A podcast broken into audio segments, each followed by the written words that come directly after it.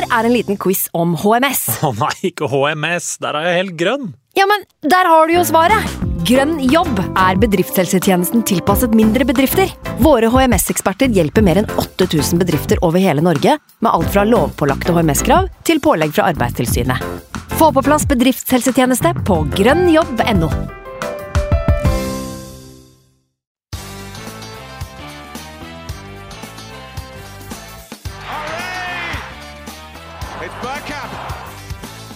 for grabs now! The next station is Arsenal. Signe husfreden og hjertelig velkommen til en time med gravøl og selvmedlidenhet sammen med oss i Arsenal Station. Simen Gofeng, som eh, normalt sett styrer showet her, han, eh, og ikke minst holder meg i øra. Eh, Han har vært på blåtur. Fleska til med en tredager tredagers, skjønte jeg. Da er det vel bare på sin plass å lyse fred over hans minne. Nei ja, så ille er det ikke. Eh, Vår kjære ordstyrer har påtatt seg en eh, kraftig forkjølelse. Så derfor er det meg, eh, Magnus Johansen, som sitter bak spaka i dag. Og for å unngå at det her bare blir eder og galle, så har vi henta inn en balanserende og kvalifisert vikar. En som bor i igelo, gjeter reinsdyr, fisker laks og fisker laks med julenissen. I alle fall hvis vi skal legitimere den italienske avisa Corriere dello Sports beskrivelse av nordlendinger. Etter at Bodø-Glimt eh, banka Mourinho og, og Roma. Eh, det er med glede jeg kan ønske Andreas eh, Haga Larsen fra Arctic Gunnerpod velkommen til podden. Jo, takk. Eh, unngå at det blir bare edre og galle. Det er kanskje ikke rett å hente inn en nordlanding, men eh, vi får se. Jeg skal prøve å holde, holde det sånn høvelig positivt. Det er vel eh, litt derfor valget falt på, på deg òg. Jeg vet at du er eh, kanskje litt mer positivt innstilt i utgangspunktet enn meg. Det har vel noe med at jeg kommer fra den negative landsdelen Innlandet. Eh, og ikke minst så er det sånn at Simen definitivt er den positive av oss. Eh, så å hente inn en, en annen innlending, det var uaktuelt. Eh, Andreas han driver jo da Arctic Gunnerpod. Jeg tror de fleste av de som hører på den podkasten her, kjenner til den. En annen glimrende norsk uh, Arsenal-podkast hvor du styrer showet helt sjøl. Uh, det har ligget litt i brakk uh, en liten stund nå, Andreas. Hadde vel en ny episode nå for et par dager siden, men før det så var det en liten pause, for du har jo ikke vært helt frisk du heller. Nei da. Um, for å gjøre en veldig lang historie kort, så ble jeg innlagt med gallestein og fikk, uh, fikk beskjed om at uh, den var for borte, men blindtarmen måtte fjernes. Så um, utsatte operasjonen tre-fire ganger, og så fikk jeg endelig fjerna. Og dermed hadde det vært sykemelding og, og sofaen et par uker. Så det, um, når vi da i tillegg kan legge til eh, flytting og utvasking av leilighet og innflytting i hus, så, så ble det hektisk eh, periode og lite innspilling i hvert fall. Trengte en opptur mot Liverpool, da. Ja, og det sørga jo så klart eh, Arsenal ikke for. Så det, det er jo eh, gledelig å vite at eh, selv om man har vært sykemeldt en stund, så forandrer ikke verden seg så altfor mye. Nei, eh, men du skal ha det, Andreas, at du stiller opp på veldig kort varsel. Det var i dag tidlig at jeg fikk høre at Simen hadde ligget på aircondition hotell i sydligere strøk etter en tredagers. Så det er klart da, da ligger det an til at eh, noen må kaste inn håndkle. Eh, litt for mye Rune Rudberg og dansing på bordet. Det, det er sånn det blir i, i Syden, er det ikke det? Så, men vi er jo ikke her, Andreas, for å snakke om eh, Rune Rudberg eh, eller eh, dansing på bordet. Eh, det var en eh, fotballkamp eh, på lørdag eh, som vi hadde gleda oss til eh, lenge. Eh, eller grua oss lenge, er kanskje mer riktig å si. Eh, Landslagspausa den er jo alltid lang, og Liverpool har ligget der og trua. Eh, hva slags forventninger hadde du foran kampen?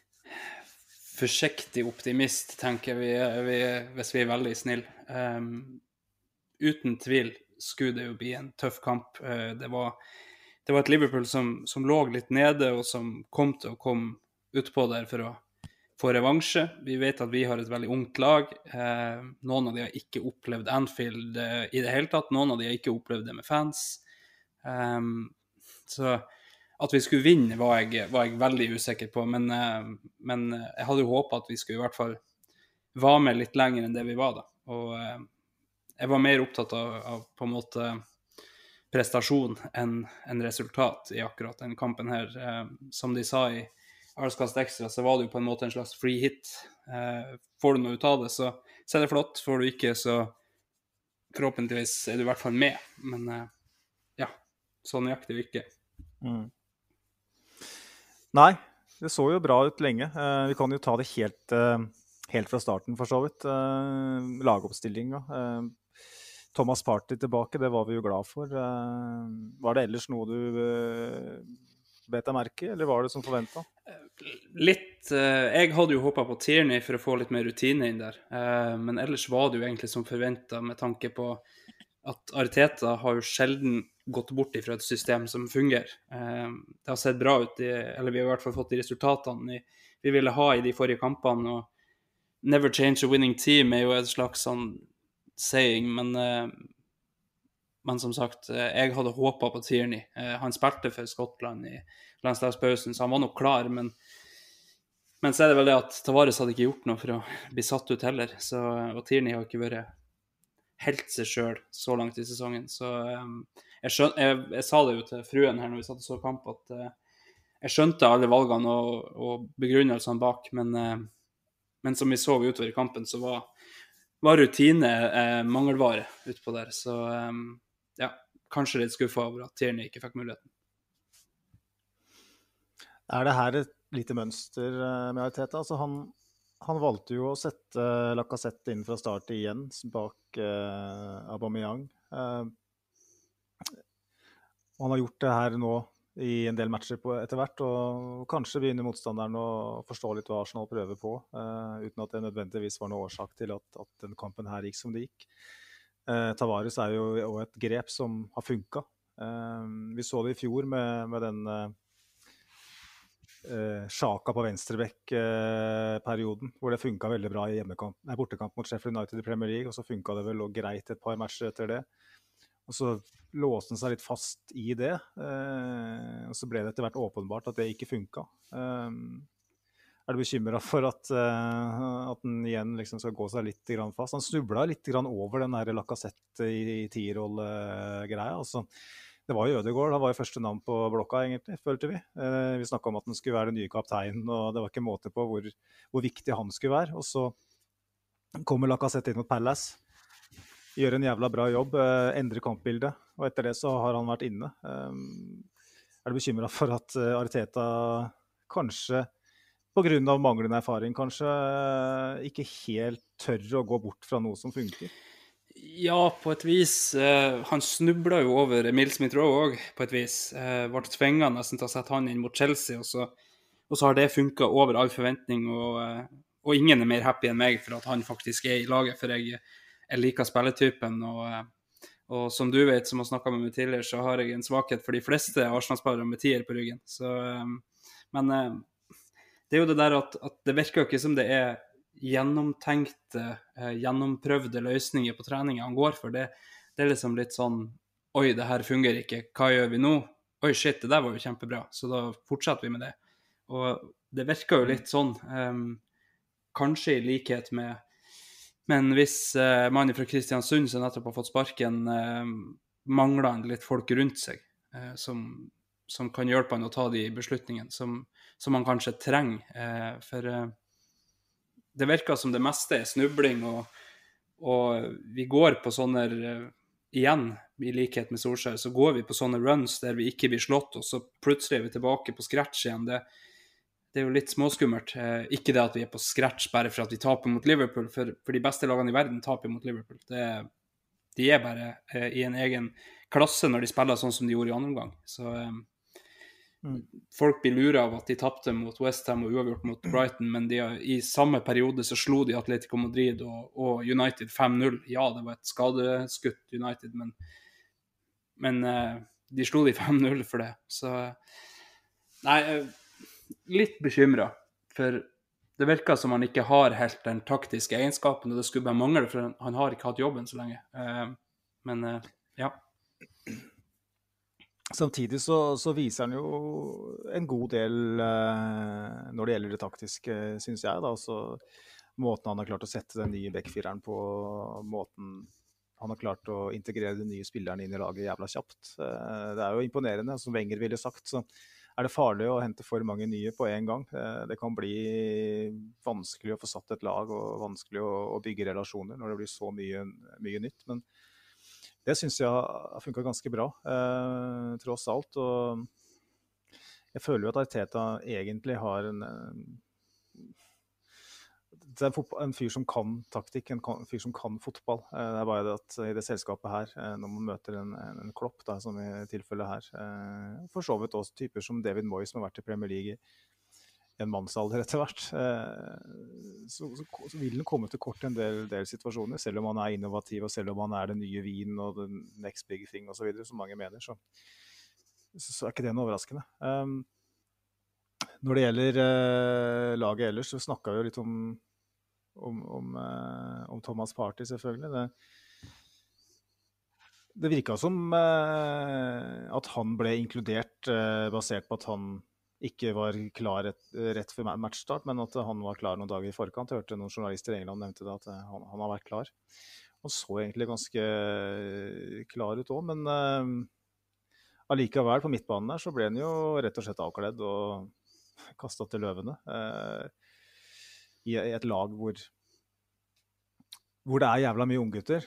Uh, hvor man trenger at lederne og de erfarne spillerne står opp. Eh, kan man unnskylde Thomas Partey eh, i en sånn kamp? Eh, når, når, man møter den midtbanen og det eh, i Liverpool, og i tillegg da er flankert av av unggutter? Eller er det snart på tide å, å stille litt spørsmålstegn rundt hva Thomas Partey tilfører laget her? Det er jo holdt på å si, det er et todelt spørsmål med et todelt svar. Jeg, tror han mangler en ordentlig makker.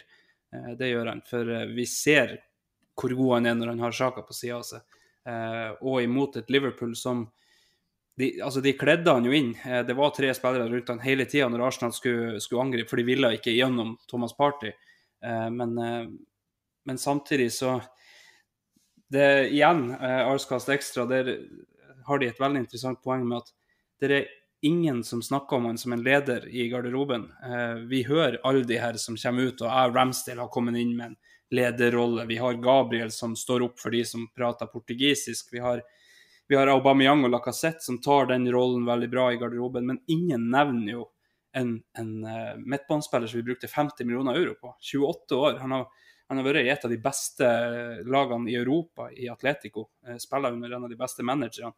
Og, og det er ingen som nevner han som en leder, og, og det stusser jeg jo litt på. Um, nå begynner jo enkelte å, å, komme inn med kommentarer som at han er i verre signering enn PP.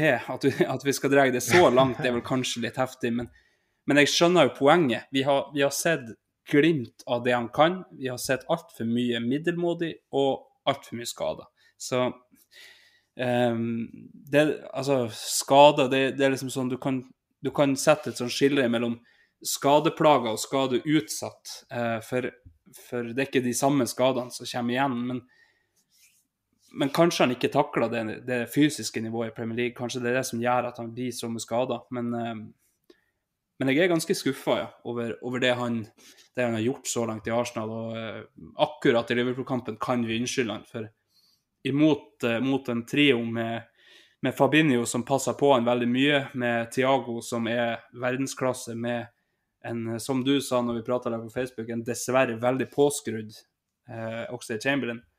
Um, så kan man unnskylde han litt. Han var ganske alene på sida der med Lokonga, som drog ut til venstre med i lag med Tavares, eh, så var han ganske alene. Og, eh, og når han blir passa på av tre mann hele tida, så får han ikke til noe framover. Men, men eh, det er noen, noen sånne skuffende ting. Jeg husker ikke om det tredje målet som er Nei, det andre målet, det som Nuno Tavares gir bort.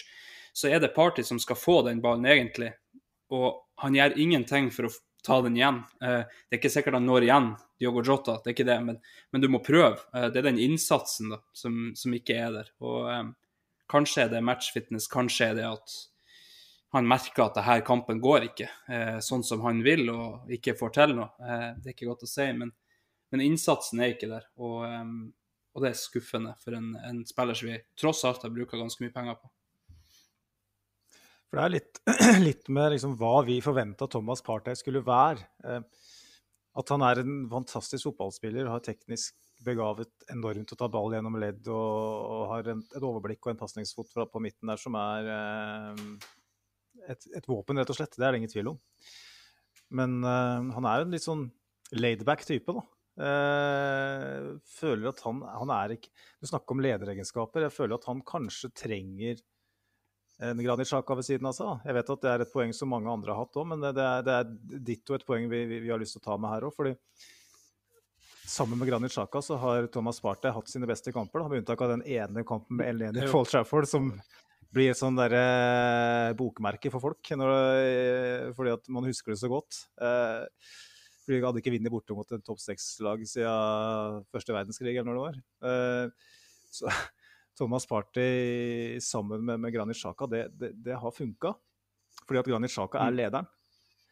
Granit Sjaka per og det, det, her kommer sikkert til å få enkelte til å sette både poteter, kaffe og øl og alt i rangstrupa, men per nå så er Granit Sjaka sjefen på den midtbanen her. Eh, og når han er ute, så har vi ingen som plukker opp hansken. Eh, og det her er ikke basert alene på Liverpool-kampen, men vi har jo ikke vunnet fotballkamper på midtbanen den siste tida. Eh, det har jo vært mer en sånn Kall det litt mer sånn kaotisk, eh, kaotiske kamper hvor, hvor, man er først på andre ball og, og tar motstanderen litt i ubalanse. Og så har du typer som Smith-Roe og Saka som er veldig Stort sett alltid tar de rette, rette valgene, tross ung mm. alder. Mm. Eh, og da har det, summen av det blitt at vi stort sett har, har klart å avgjøre kamper ganske tidlig. Men i, kamper hvor det blir en midtbanekamp mot godt organisert motstand, type Brighton, da var jo Thomas Party ditto helt, helt mm. borte. Eh, og Vi kan ikke sammenligne Brighton og Liverpool, selv om Brighton er godt organiserte, selv om Graham Potter er en stor uh, taktiker. Brighton og Liverpool det er uh, omtrent som Stålkameraten og Rosenborg. ikke sant? Det, det er to forskjellige verdener. Så om man ikke skal ta Party for den kampen her, så kan man se en trend i at når, når, det blir en midtbanekrig, når det blir litt fysisk, når, når, man møter et lag som er i stand til å låse av høyt i banen, så, så, faller han litt igjennom når han ikke har en ved siden av seg som kan diktere tempo, styre spillet, eh, være tilgjengelig. Og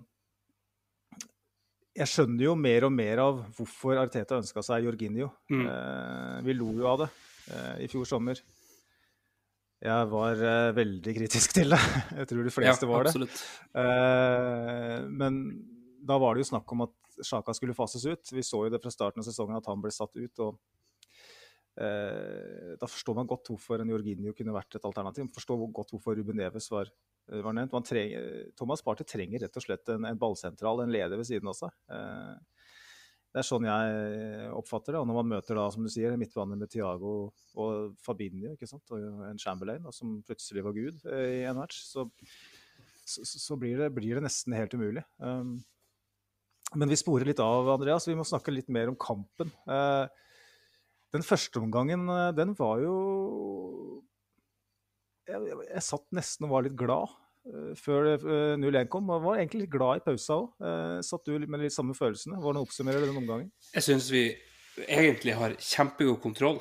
Vi slipper ikke Liverpool til til noe særlig. Ja, Ramsdale har noen redninger, og noen av de var veldig bra. Men, men tatt i betraktning motstand, så syns jeg vi har veldig god kontroll i første omgangen. Og så er det kjipt at vi slipper inn på en dødball der vi har vært gode. der var det litt markeringsfeil og litt sånn. men men uh, ja, jeg satt i pausen og egentlig var fornøyd med det jeg hadde sett. Um, det var vel egentlig en følelse at, uh, at her kunne det godt ha stått 0-0, og, og, og, at kampen fortsatt uh, var der. Men ja Den første gangen syns jeg, synes jeg de løste det veldig bra. Der er jo det taktiske på plass for Ariteta. Han, systemene er han kjempeflink til å sette opp. Det er Med en gang kampen går utfor det systemet, det er der han sliter mer. Men men eh, jeg syns vi hadde god kontroll. Sala var, var, ikke så farlig som vi har sett han i det siste. Eh, Mané, bortsett fra noen stygge involveringer der, var jo egentlig ganske usynlig. Um, og så hadde du også Chamberlain, som var kjempegod, men som ikke skapte all verdens. Og, og jeg sa det, vi, vi satt her um, to-tre to, stykker så kampen i lag, så sa jeg det at um, vi blir kritisert veldig mye for at vi slipper til mye skudd, men se hvor skuddene kommer ifra. Eh, det, det er ganske Mm. stor prosentandel av skuddet som kommer utfor 16 eh, av ren frustrasjon, så må man bare prøve. sant? Og Du kan slippe til 30 skudd fra utfor 16. Så lenge keeper ser de, så slipper han jo ikke inn, med mindre det er eh, så høy kvalitet på det skuddet at ingen redder den. Så jeg er ikke så jævla eh, redd for at vi slipper til mye skudd. Eh, Det er heller det at, at det vi har vært så gode på i år, som er defensive dødballer, det, det mangler plutselig. Og, og Mané er ikke noe luftens baron. Han skal ikke være alene der og kunne sette den inn. Men, eh, men nei, jeg satt i pausen egentlig og tenkte at det var, det var en godt gjennomført første omgang. Ja, for Det var jo ikke sånn at det var noen som sto frem noe sånn spesifikt. Det var bare en, eh, et kollektiv som, som Mm. funka. Eh, Det var en plan A som, som åpenbart funka lenge. Og Tomiyasu på høyrebekken, ikke sant, som var litt bekymra for at han skulle slite Mm. mot Mané. Eh, Vi har jo sett han har vært veldig god mot litt svakere motstand. Og så har vi også sett den vært på tynn is mot uh, Kukureya f.eks. Ja. på Brighton. Og tenkte kanskje det her blir en liten eksamen for Tomiyasu. Jeg vil jo si at han besto med glans i den første omgangen. Uh, vet at han var litt sløv i andre omgangen der og sto litt høyt når vi, når vi slapp inn eh, de siste Mm. par måla. Uh, men det kan jo handle om instruksjoner vel så mye som om hans uh, innsats. Så syns det var veldig bra. Syns Tavares eh, Igjen, jeg snakker om at ingen sto fram spesielt, men jeg mener jo at bekka våre kanskje, hvis noen skal trekkes fram i første omgang, så kanskje det var dem. Eh, Tavares hadde bra kontroll sammen med, med Lokonga på venstresida der, syns jeg. Eh, og en Gabriel som eh, igjen er sjef og tør å gå og tør å være tøff. Så det funka veldig, veldig bra, og det er jo det vi snakker litt om, eh, det taktiske. At eh, Arteta har åpenbart noe for seg, men det er kanskje det med scenarioer, da. Fordi at det som da skjer på den dødballen, det er jo da veldig utypisk det Arsenal-laget her. Eh, og jævlig frustrerende at vi slipper inn på en, på en fast eh, situasjon når vi har hatt så god, god kontroll i banespillet som Altså, jeg skal ikke ta bort det Liverpool gjorde. Eh, Ramsdale hadde et par redninger, vi skal ikke Mm. glemme det. Eh, men sånn stort sett, som du sier, så hadde vi brukbar kontroll eh, mot eh, det beste offensive laget i, i verden akkurat nå, tør jeg påstå. Som var den beste offensive spilleren i verden. Eh, og så Kanskje så faller man litt mentalt da når man får et spillestopp. En dødball, hvor man normalt sett Ting man nesten gjør i søvne, Mm. ikke sant? Eh, kanskje blir man da Kanskje skrur man av litt grann da, fordi at man føler at man har litt for god kontroll. Og så eh, blir det tellefeil. Eh, Sadio Mané får en friheting, Mm. egentlig. Og så 0-1. Eh, jeg skal ikke si at det ikke var fortjent, men jeg føler ikke at, at det var et mål som eh, vi satt og venta på at, eh, at lå i lufta heller. Så hva, hva tenker du om den skåringa, først og fremst? Eh, jeg vet ikke hvor mye du la merke til der, men hva er det som skjer der, egentlig? Det, det har jeg egentlig kritisert i den perioden vi slapp inn en del på dødball, det at eh, de enkle tingene Altså sett de beste hodespillerne på de beste hodespillerne, så enkelt er det. Uh, Istedenfor så, så er det Party som får ansvar for eh, van Dijk. Eh, han følger ikke løpet. Jeg vet ikke om det er en instruksjon at vi skal stå høyt, eller hva det er, men, men han følger ikke løpet når van Dijk går. Da føler Gabriel at den her, den, den er lagt til van Dijk eh, og går opp i samme duell som han. Og dessverre så går den Det, det, det er et fantastisk legg, det er ikke det, men, men, eh, men den går akkurat over pannebrasken på, på Gabriel òg, og så, så får Mané stå alene. Um, så det blir tælefeil når eh, Og det er det de beste lagene gjør. eh, Bevegelser som, som ødelegger struktur. Det, det er veldig elementært på, på dødballer. Og, og em, jeg stusser litt på at det er Party som skal ta van Dijk. Vi vet at han er den største trusselen på dødball. Hvorfor er det ikke Gabriel som går på den? Um, og, og Party som kan følge Mané i stedet, f.eks. Men, men det handler om soneforsvar og, og, eh, og sånne ting. Um, og vi har vært veldig gode på det tidligere i sesongen, så jeg har ikke hatt noe å klage på. Men, men jeg så det ofte når vi slapp inn mye mål på dødball, at, eh, at det handla mye om feil mann som dekker feil mann. Em, Mm. Og her er det bare Antageligvis så har det mye med det du er inne på, at, at vi har vært så gode på defensiv dødball, så, så vi switcha off et lite sekund, og så, så går van Dijk Eh, Gabriel ser at van Dijk går, går i samme duell. De skryter den her assisten opp i skyene, men jeg tror ikke han sikta på Mané, for å si det sånn. Jeg tippa det sikta på van Dijk, og, og han bomma på van Dijk, men bomma òg på Gabriel, og så står Mané der. Eh, så jeg er kanskje ikke så kvikk til å, til å se at, eh, at legget var helt superb og, og, det er perfekt utført og alt det der. For, ja, men det er jo egentlig norske kommentatorer i et nøtteskall. Liverpool og United de gjør alt perfekt. så Ikke i det siste for United sin del, men, eh, men Trent Alexander Arland er én yndling, og, og legget blir perfekt bare fordi at det blir mål ut av det. Hvis ikke man er sett inn der, så, så, er det ingen som snakker om det legget, for han bomma på van Dijk. Eh, men eh, det er tellefeil. Det er så enkelt. Ja, og da vipper jo den kampen i feil favør. Men før vi går videre til andre omgang, og det som er mindre positivt, så eh, Jeg vil jo si at det her var en kamp som lå Om den ikke lå og vippa, så var det i hvert fall en kamp hvor Arsenal med litt mer hell, eh, et Liverpool som hadde vært litt mindre påskrudd. altså et Liverpool som rett og slett var litt sånn som det var mot mm. Westham. Eh, så kunne Arsenal lett å skåre. Vi hadde en annullert mm. skåring pga. offside. Jeg vet ikke hvor mange ganger Alba sto i offside i løpet av kampen, men det var Ja, det måtte være tosifra. Uh, det føltes i hvert fall sånn. og litt sånn Adebayor-oppførsel mm. der, eh, uten, uten, sammenligning for øvrig. Um, i tillegg så, så, hadde Saka et par anledninger kommet seg fri der, hvor han tar feil valg, mm. rett og slett. Spesielt når han valgte å skyte ja. der. Eh, kan jo være smart, selvfølgelig, hvis han Men det, det, det var, sto en spiller der, og, jeg føler at Alisson sannsynligvis hadde mm. hjørnet. Eh, men eh, det er lett for oss å sitte her og, si at det var dumt. Men uh, det var småting. Osley Chamberlain som avverga uh, en heading fra, fra mm. Saka uh, rett foran Alison. Treffer han noe annet enn Alison da, ja, så er det jo mål. Og så tar du med den kontringa hvor Fabinho bare viser hvor sinnssyk mm. han er. Når han tar ut Alba, er det ikke da? Eh, da hadde det vært var det, det tre mot én eller noe sånt. Ja, ja, ja. Så det er, det er, små, små, små I tillegg har jo Alison en, en beinparade mot Aubameyang. Spiss vinkel, men, men, det er mulig å score. Og hvis han ikke henger igjen foten der, så er det jo fort mål. Stemmer. Det var kanskje, det var kanskje andre omgang? Ja, det var kanskje andre omgang. Det, eh, det var begynnelsen av andre omgang, kanskje. Uansett. Rett før ja, 2-0. Um, det er små, små mm. detaljer, da. Uh, så en dag hvor vi på en måte har hellet med oss, en dag hvor Liverpool er litt mindre påskrudd, så får vi 1-0. Absolutt. Og da, da, er det en helt mm. annen match da, da, da, er det laget her vist flere ganger nå at, uh, at de kan, kan, stå imot. De hadde sannsynligvis ikke klart det mot Liverpool-laget her, men jeg er nærmere ikke helt sikker på om vi ikke hadde fått med oss den heller. eh, hvis vi hadde fått den første skåringa. Eh, problemet er bare det at hva gjør man når gameplanen går ut av mm. vinduet? For gameplanen den går ut av vinduet i det øyeblikket Nuno Tavares sender Diego Jota igjennom, rett og slett. Det er da, det er da den går ut av vinduet. og da kan jo du, Andreas, eh, prøve å si noe klokt om hva er det som egentlig skjer da? Når vi liksom får 0-2 imot og vi kanskje burde begynne å tenke litt damage control?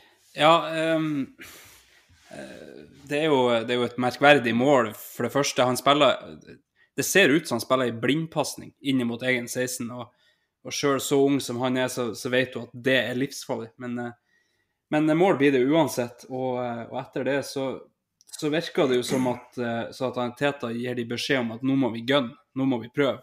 Eh, og så er vi litt grann for slack i, i avleveringer og, eh, og, prøver gang etter gang å spille oss ut bakfra eh, og får det ikke til. For Liverpool skrur på et press som er helt umenneskelig. Men, men igjen, eh, hvis vi er 100% påskrudd, så, så, har vi vist at vi kan spille av sånt press. Og, eh, og da er det farlig med en gang. Eh, jeg tippa jo det var litt det som var grunnen til at Nuno Tavares eh, fikk spille òg. For, for eh, får du han inn bak eh, Alexander Arnold der, så begynner det å bli farlig. Han kan gå både utersida og innersida, mens Tierney helst vil på yttersida. Um, så jeg, jeg syns det, det, blir feil, egentlig, det der med, med å ikke tenke at OK, samling i bånn. Vi, vi starta med samme gameplan som vi starta kampen med. Vi legger oss bakpå, og så tar vi heller de mulighetene som kommer. For kommer du ifra, nei, ikke Old Trafford, men kommer du ifra Anfield med 2-0, eh, så er det, det er OK. Det, det er greit. Men, men å, å, begynne sånn som vi begynte der med For det første, defensivt så det ikke ut som alle var på samme plan. Eh, noen valgte å stå høyt, noen valgte å, å falle av. Eh, noen valgte å ikke følge mann, eh, og så velger noen å, å mannsmarkere. Og, og, det er sånn merkelig. Vi har egentlig vært gode på det i, siden kamp fire i år, eh, og så plutselig detter det bare helt bort. Så eh, vi burde ha tenkt samling i bånn, begynt på nytt. Eh, I hvert fall begynne med damage control. Ikke på 4-0, som det så ut som han gjorde eh, med å sette inn Jeleni, men, eh, men begynte på 2-0. Mm. Eh, vi, vi, kunne jo begynt på 1-0 for den saks skyld, men, men vi, vi, var bra de første minuttene i andre omgang. ref den sjansen til Aubameyang. men men når det 2-0-målet går inn, så burde vi, så burde vi endre noe. Da burde vi si at OK, det her går ikke. Nå får vi heller konter hvis vi får en kontringsmulighet, og ellers ligge bakpå. For ja, vi prøver å spille oss ut, mister ball, slår langt et par ganger, får den rett tilbake i fleisen. Det er jo Ja, det, det handler jo veldig mye om at Liverpool er fantastisk gode òg, da. Det, det gjør jo det, men, men vi eh, mm vi burde gjort noe annerledes, ja. Det blir litt som en full mann har blitt kasta ut av et, eh, en nattklubb, og så i stedet for å sette seg i en taxi og reise hjem, så, så fortsetter han å prøve mm. å komme inn. Og bli mer, bare flere ydmyka hver eneste gang. Ja, absolutt. Uh, det ble liksom litt sånn et Arsenal som denne sesongen her har variert litt. da. Ramsdale har jo virkelig vist pro på at han kan uh, finne en Aubameyang eller en Lacassette uh, på midten uh, med utspillene sine. spille mm. over presset. Jeg, jeg, stusser jo på at man ikke tenkte litt til de baner når man etter hvert så at nå, nå klarer vi ikke å komme oss ut av mm. forsvaret her. hver gang vi prøver å spille oss ut, så blir vi tatt på senga. Eh, Hvorfor prøvde man ikke da å, å, å spille over presset? Eh, det er mulig at det kom en ny bølge, men da hadde, fall, hadde man iallfall vært organisert. Eh, og igjen så handler det her litt om manglende erfaring, kanskje både på, både på banen og på sidelinjen. Da. At man ikke får ut budskapet. Eh, for det kvarteret der, første kvarteret i andre omgang, det er eh, Da føler jeg liksom at hadde, man ikke, hadde ikke Liverpool slacka litt på gassen, da hadde ikke vi kanskje klart så vidt å komme litt til hekte igjen. Fått eh, ja, gjorde noen endringer. Tok av Lokonga, som var, rett og slett var helt, helt ute av det. Uh, så, så, kunne jo det her ha blitt enda styggere. Uh, det var rett og slett et Arsenal som var hadde mista helt kontroll. Den bilen, den, uh, den gjorde rundkast på rundkast. Vi hadde ikke sjans til å, å, å stoppe det der offensivet fra Liverpool. Det. Men så er liksom spørsmålet, da. Det er det yngste laget i, i Premier League mot kanskje det laget som er mest etablert eh, av alle. Eh, som jeg nevnte, kanskje det beste offensive laget i verden. Ser du på tallene i Premier League, så er det ingen som er i nærheten av å komme til så mye målsjanser som det Liverpool-laget her gjør. Det var en Salah i storform, en Mané som er tilbake nå, ikke sant? en Diego Jota som vel har ja, jeg vet ikke om det er noen i Premier League som har flere skåringer per minutt enn han i, i ligaen i år. Eh, per minutt, det hørtes jo veldig drøyt ut, da, men som har en bedre målsnitt. Det er ja, bedre å si. Eh, men Fabinho bak der som er verdensklasse, du har Tiago bak der som er verdensklasse. Eh, du har den beste høyrebekken i Premier League. Eh, du har den beste stopperen i verden. Som i tillegg, altså det, Poenget mitt er at de bidrar òg i det offensive. Du så i fjor når van Dijk var ute, så, så klarte ikke Liverpool å få ballen hurtig nok offensivt. Så Da ble det plutselig litt forutsigbart og litt, litt for enkelt å forsvare seg mot. Men det Liverpool-laget vi, vi, ser nå, det, ja, jeg vet ikke, Andreas. Jeg, jeg, jeg klarer liksom ikke å være like skuffa. Eh, vi har fått noen lytterinnspill på det. Eh, Sivert Eriksen eh, skriver at, eh, at han har en mye bedre følelse etter kamp etter at Tavares og Lokonga har gjort personlige feil de vokser av, enn etter at William og Cedric sine halvhjerta to av ti på børskamper eh, gjør seg gjeldende. Husk at vi er PLs yngste lag. Gutta vokser på dette også, tross alt. Er det sånn at du sitter litt med, med samme følelsen? At, uh, altså, eller hva skal jeg si, en helt annen følelse enn når Sokratis og Mustafi sklei rundt på isen? Ja, absolutt. Det, det, det er veldig, veldig, godt sagt at, at det her lærer de av. Altså, Wenger sa jo det at å spille med unge, unge spillere. Det kosta deg poeng. Eh, det gjorde det her, men det lærer de av. Og du tjener på det i det lange løp, eh, absolutt.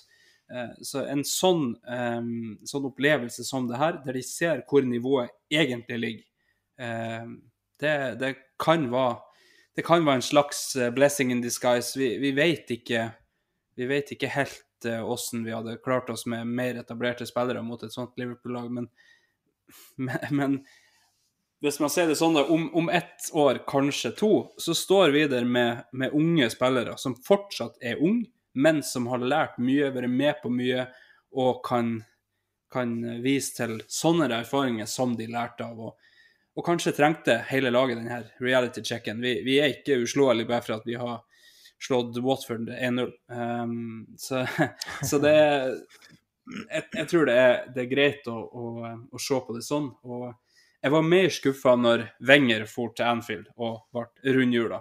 Eh, for det var en manager som visste hva han gjorde. Det var en, en, manager med en tropp der det ikke var så mye ungt på slutten. Eh, så nei, eh, mye bedre å, å, se på det her og, og, tenke at det var ikke så veldig mye mer å vente. Resultatet 4-0, ja, det er ganske galt, men men det er én kamp. Eh, jeg tror ikke det forandra så veldig mye for Arteta og for planene. og for Ikke så mye for sjøltilliten heller, tror jeg. Eh, for, for, alle vet at Liverpool er på et helt annet nivå enn, enn det vi er akkurat nå. Og det er på en måte innarbeida i, i, i, hodet på absolutt alle i fotballverdenen. Eh, så jeg er mer positiv nå enn jeg var forrige gang vi ble rundhjula på Anfield, for å si det sånn. Du har jo et kjempepoeng der, Andreas det med, med, den følelsen man satt med etter at Wenger eh, sin årgang, årganger, og ikke minst Emry sin ene årgang, eh, reiste til Anfield. og hvor man var i en fase hvor det var mye quick fix, hvor det var mange erfarne spillere som ble henta inn på, på, relativt korte kontrakter, som skulle inn og liksom sørge for at, eh, at vi skal komme oss tilbake i, i topp fire. Eh, derfor så blir jeg jo Jeg blir ikke overraska, men jeg blir jo skuffa når, når, jeg leser eh, reaksjoner på nettet tastaturkrigere som stikker ut sabelen sin ved første anledning. ikke sant? Sånn at Nå har Teta vært her i to år, nå har, og nå har vi holdt på sånn i så mange år. Hvorfor har vi ikke lært? ikke sant? Bla, bla, bla, bla liksom. Men vi må jo bare stikke fingeren i jorda. Vi, start, vi starta på nytt i sommer. Det som Arteta gjorde eh, fra han tok over i desember eh, 2019 til eh, den sommeren som vi har lagt bak oss nå, Eh, det er én æra. Den vi har gått inn i nå, er en helt ny æra. Så skal man selvfølgelig ikke frikjenne Arteta for alt som han har gjort feil eh, tidligere. Heller ikke ta bort det han har gjort bra. Men hele klubben har jo starta på nytt. Eh, og derfor sitter vi, vi som kanskje da eh, Jeg skal ikke, jeg skal ikke sette meg sjøl opp på noe sokkel her, men eh, vi som er litt positivt innstilt til eh, prosjektet Ariteta, tenker at det her tross alt er en gjeng med unge spillere som, som reiser til Anfield, i noen av dem for første gang. Eh, I motsetning til Sokratis, Mustafi og co., så, så, vil de lære av det. Eh, jeg er ikke dermed sagt at det er akseptabelt å tape 4-0, men eh, for første gang på veldig veldig lenge, når vi har blitt fillerista avkledd på eh, en sånn type topp seks-bortematch, eh, så sitter jeg liksom en følelse av at OK, det er greit. og det, og det skal ikke lenger tilbake enn til City-kampen i september eller august, mm. eller når det var. Eh, da vi tapte 0-5. Det var jo da med en helt annen elver. Eh, med, med, litt av de Hva skal jeg si? Ja, de samme spillerne som har rota det til for oss i en del andre sånne, sånne matcher opp gjennom åra. Eh, da var jeg rett og slett i harnisk.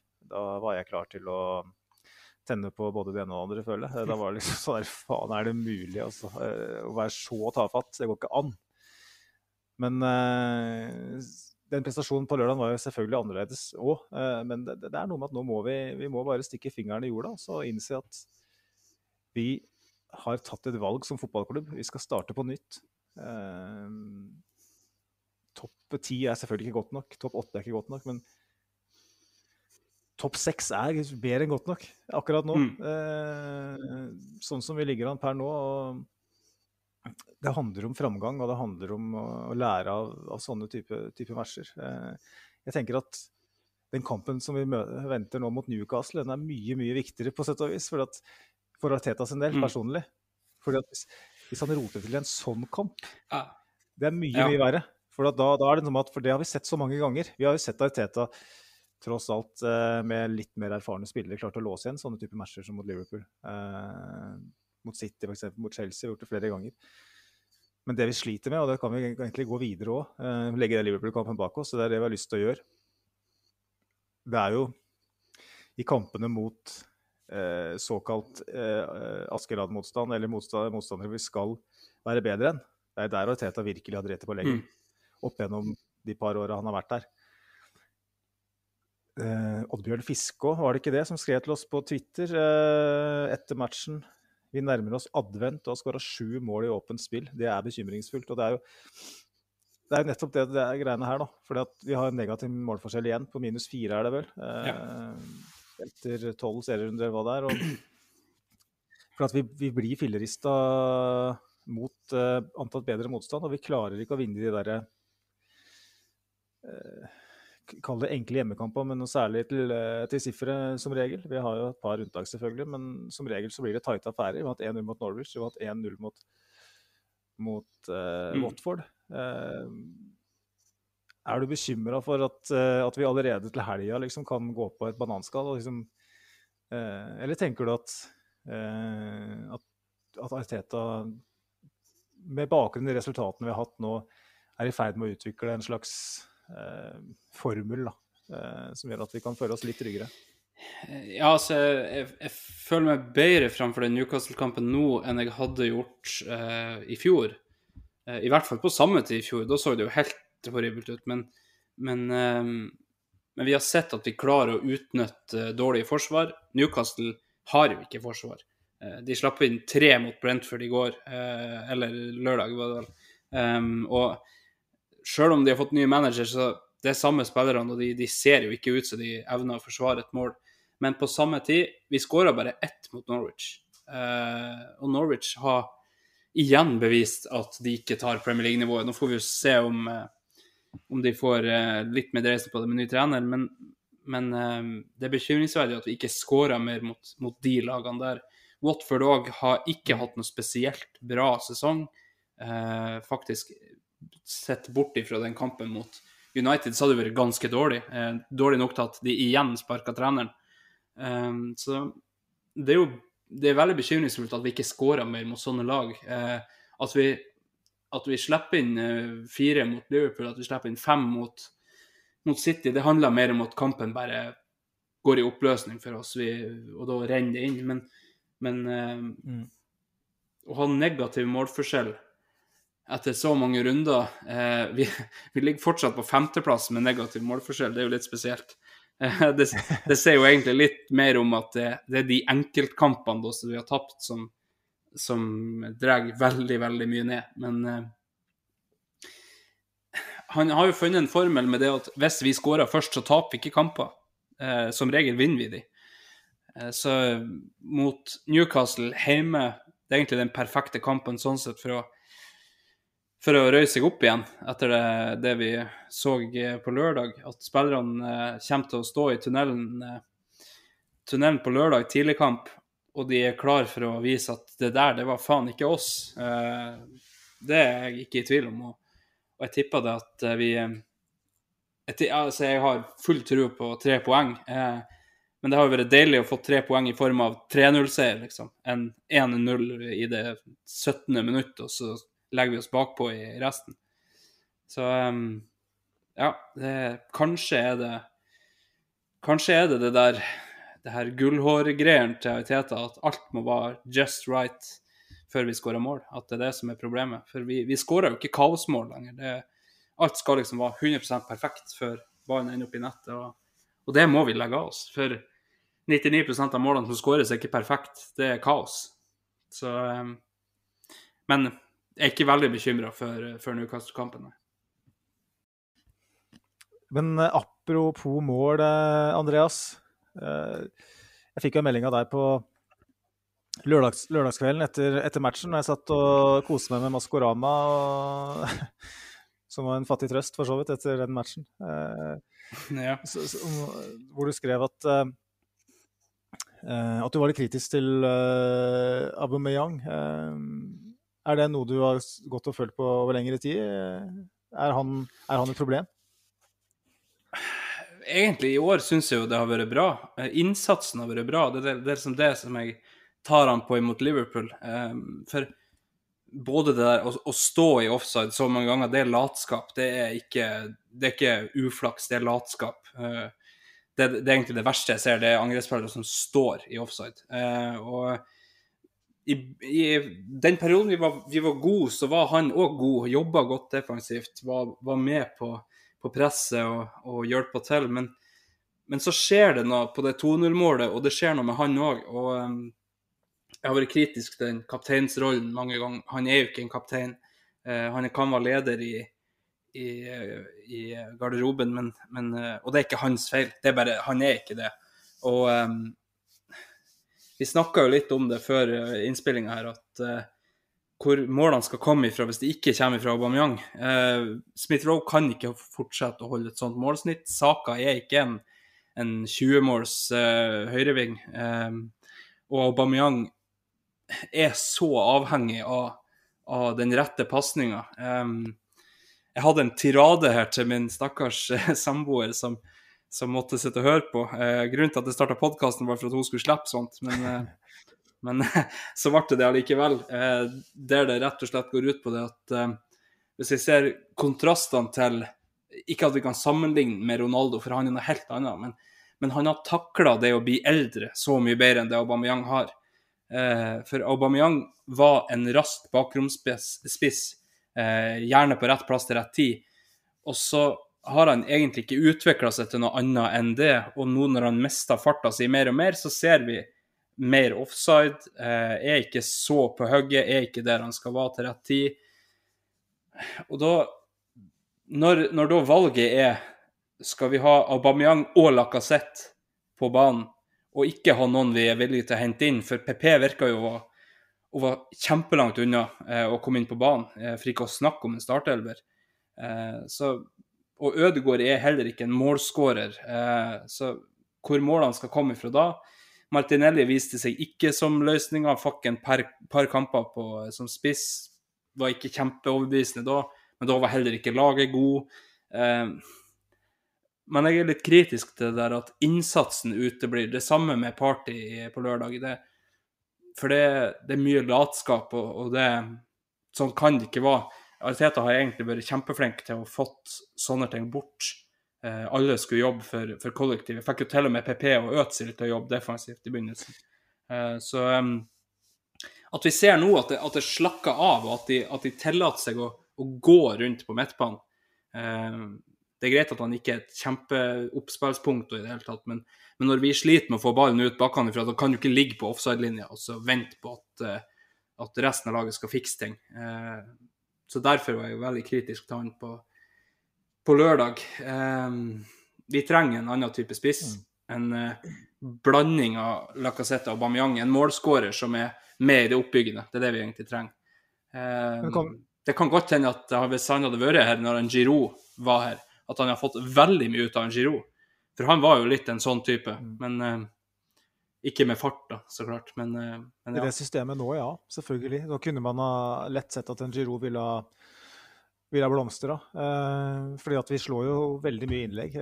det er jo en av de tinga man stusser litt på, som Kenneth Fredheim sa når han var på besøk hos oss i, i forrige uke. at liksom, man står og slår innlegg på, på, spisser som ikke er gode i lufta.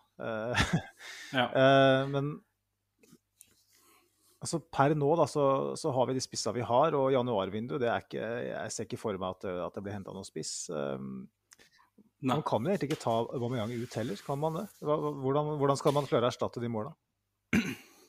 Nei, det er nettopp det. Det er jo det, er det som redder han, tror jeg. Både at han er kaptein, eh, hvordan skulle det se ut hvis han bare plutselig ikke er med. Men, men eh, du kan ikke For, for han er kapabel til å spille en drittkamp og skåre et mål i det 90. minutt som redder kampen. Det er liksom det som er. Og, og det var litt det samme som gjorde at, uh, at Wenger ikke ville benke Øtzil. Det var det samme som gjorde at han ikke benka Sanchez, selv om han begynte å bli dårlig mot slutten. For de er kapable til det ene øyeblikket, og, eh, og det kan redde en hel kamp.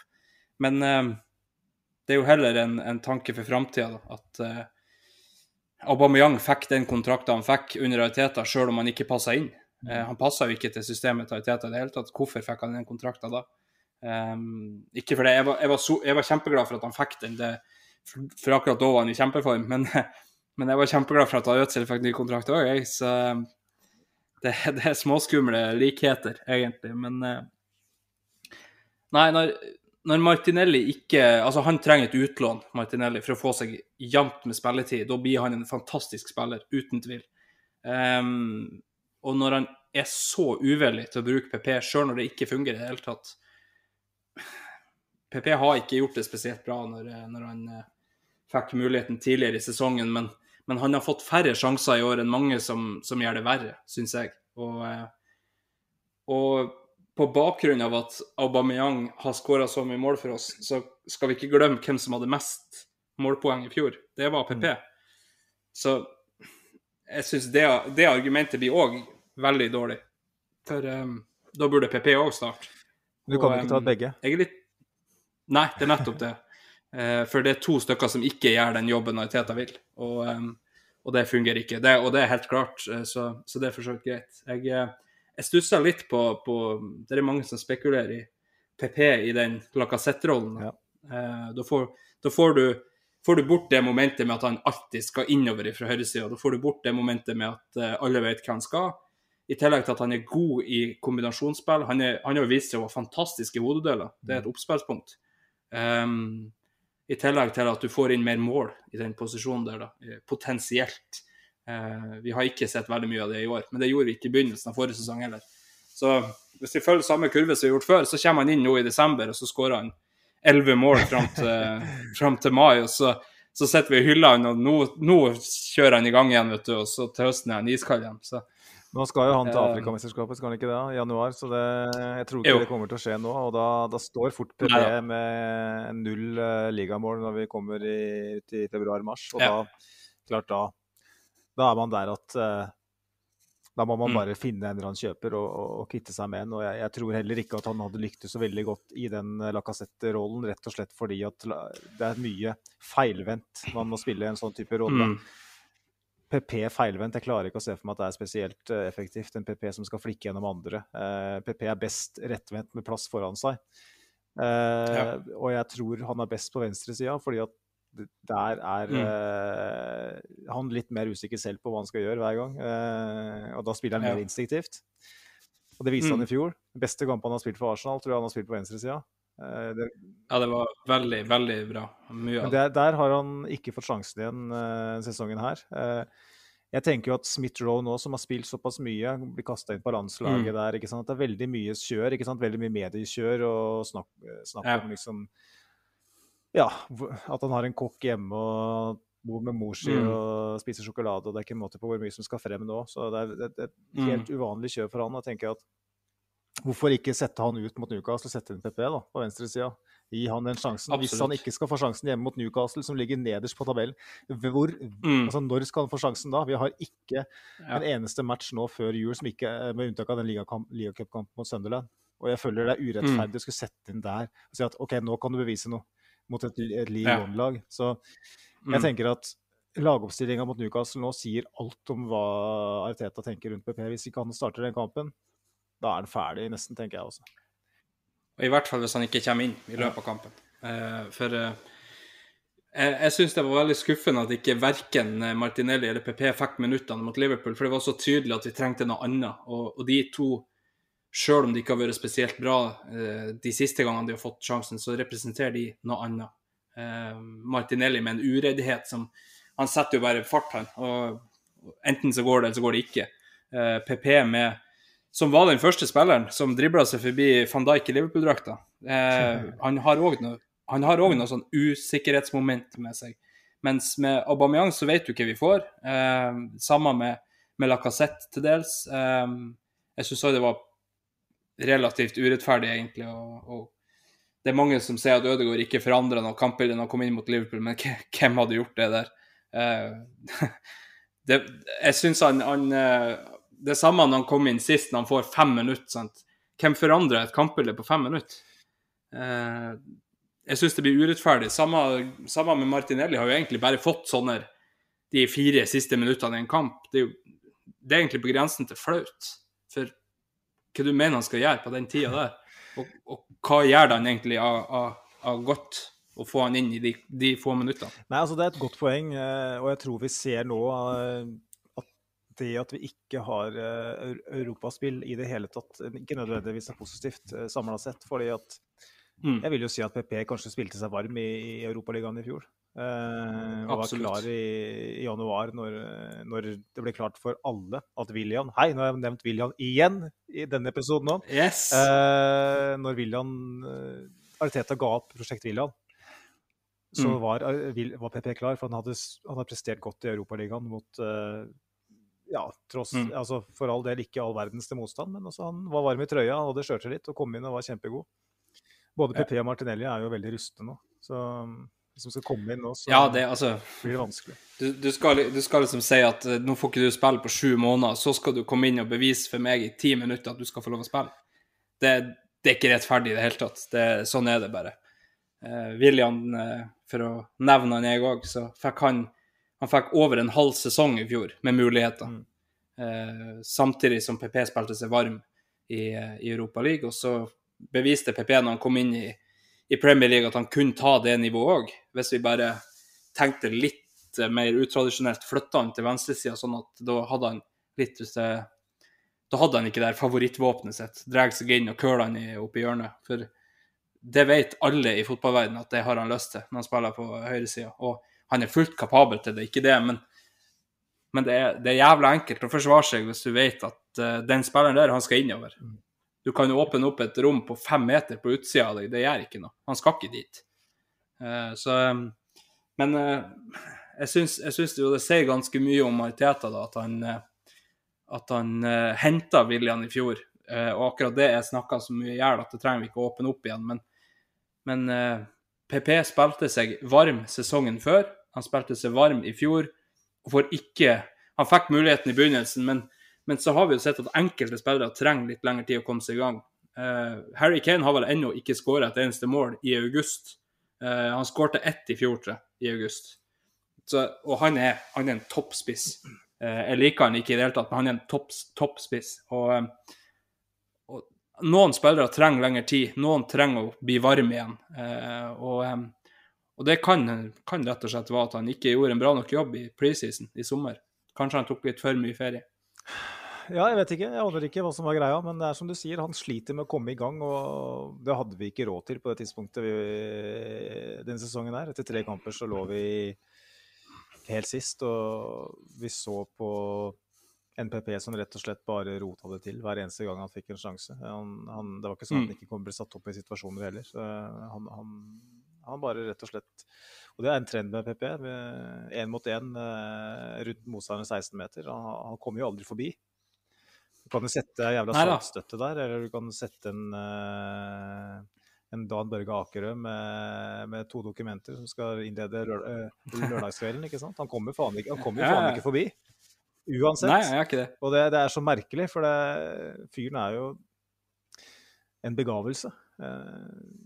Og det, ja, som er, det, som har vært et mysterium av en fotballspiller, er, i ferd med å, er vi i ferd med å bli kjent med. Jeg, jeg har egentlig gitt opp. Uh, jeg tror ikke det Og det, det, er ikke bare PP, det har noe med systemet å gjøre òg. Eh, han passer ikke mm. inn under Ariteta i det hele tatt. Og får vi igjen en 25-30 millioner pund for den, så er det å få bite av hånda på, på en kjøper. Bare, bare move on, bli ferdig med det. Uh, det er et nytt skritt i retning et nytt Arsenal, rett og slett. Eh, som kan legge den type dealings bak seg. Eh, men eh, ja. Det, vi får se.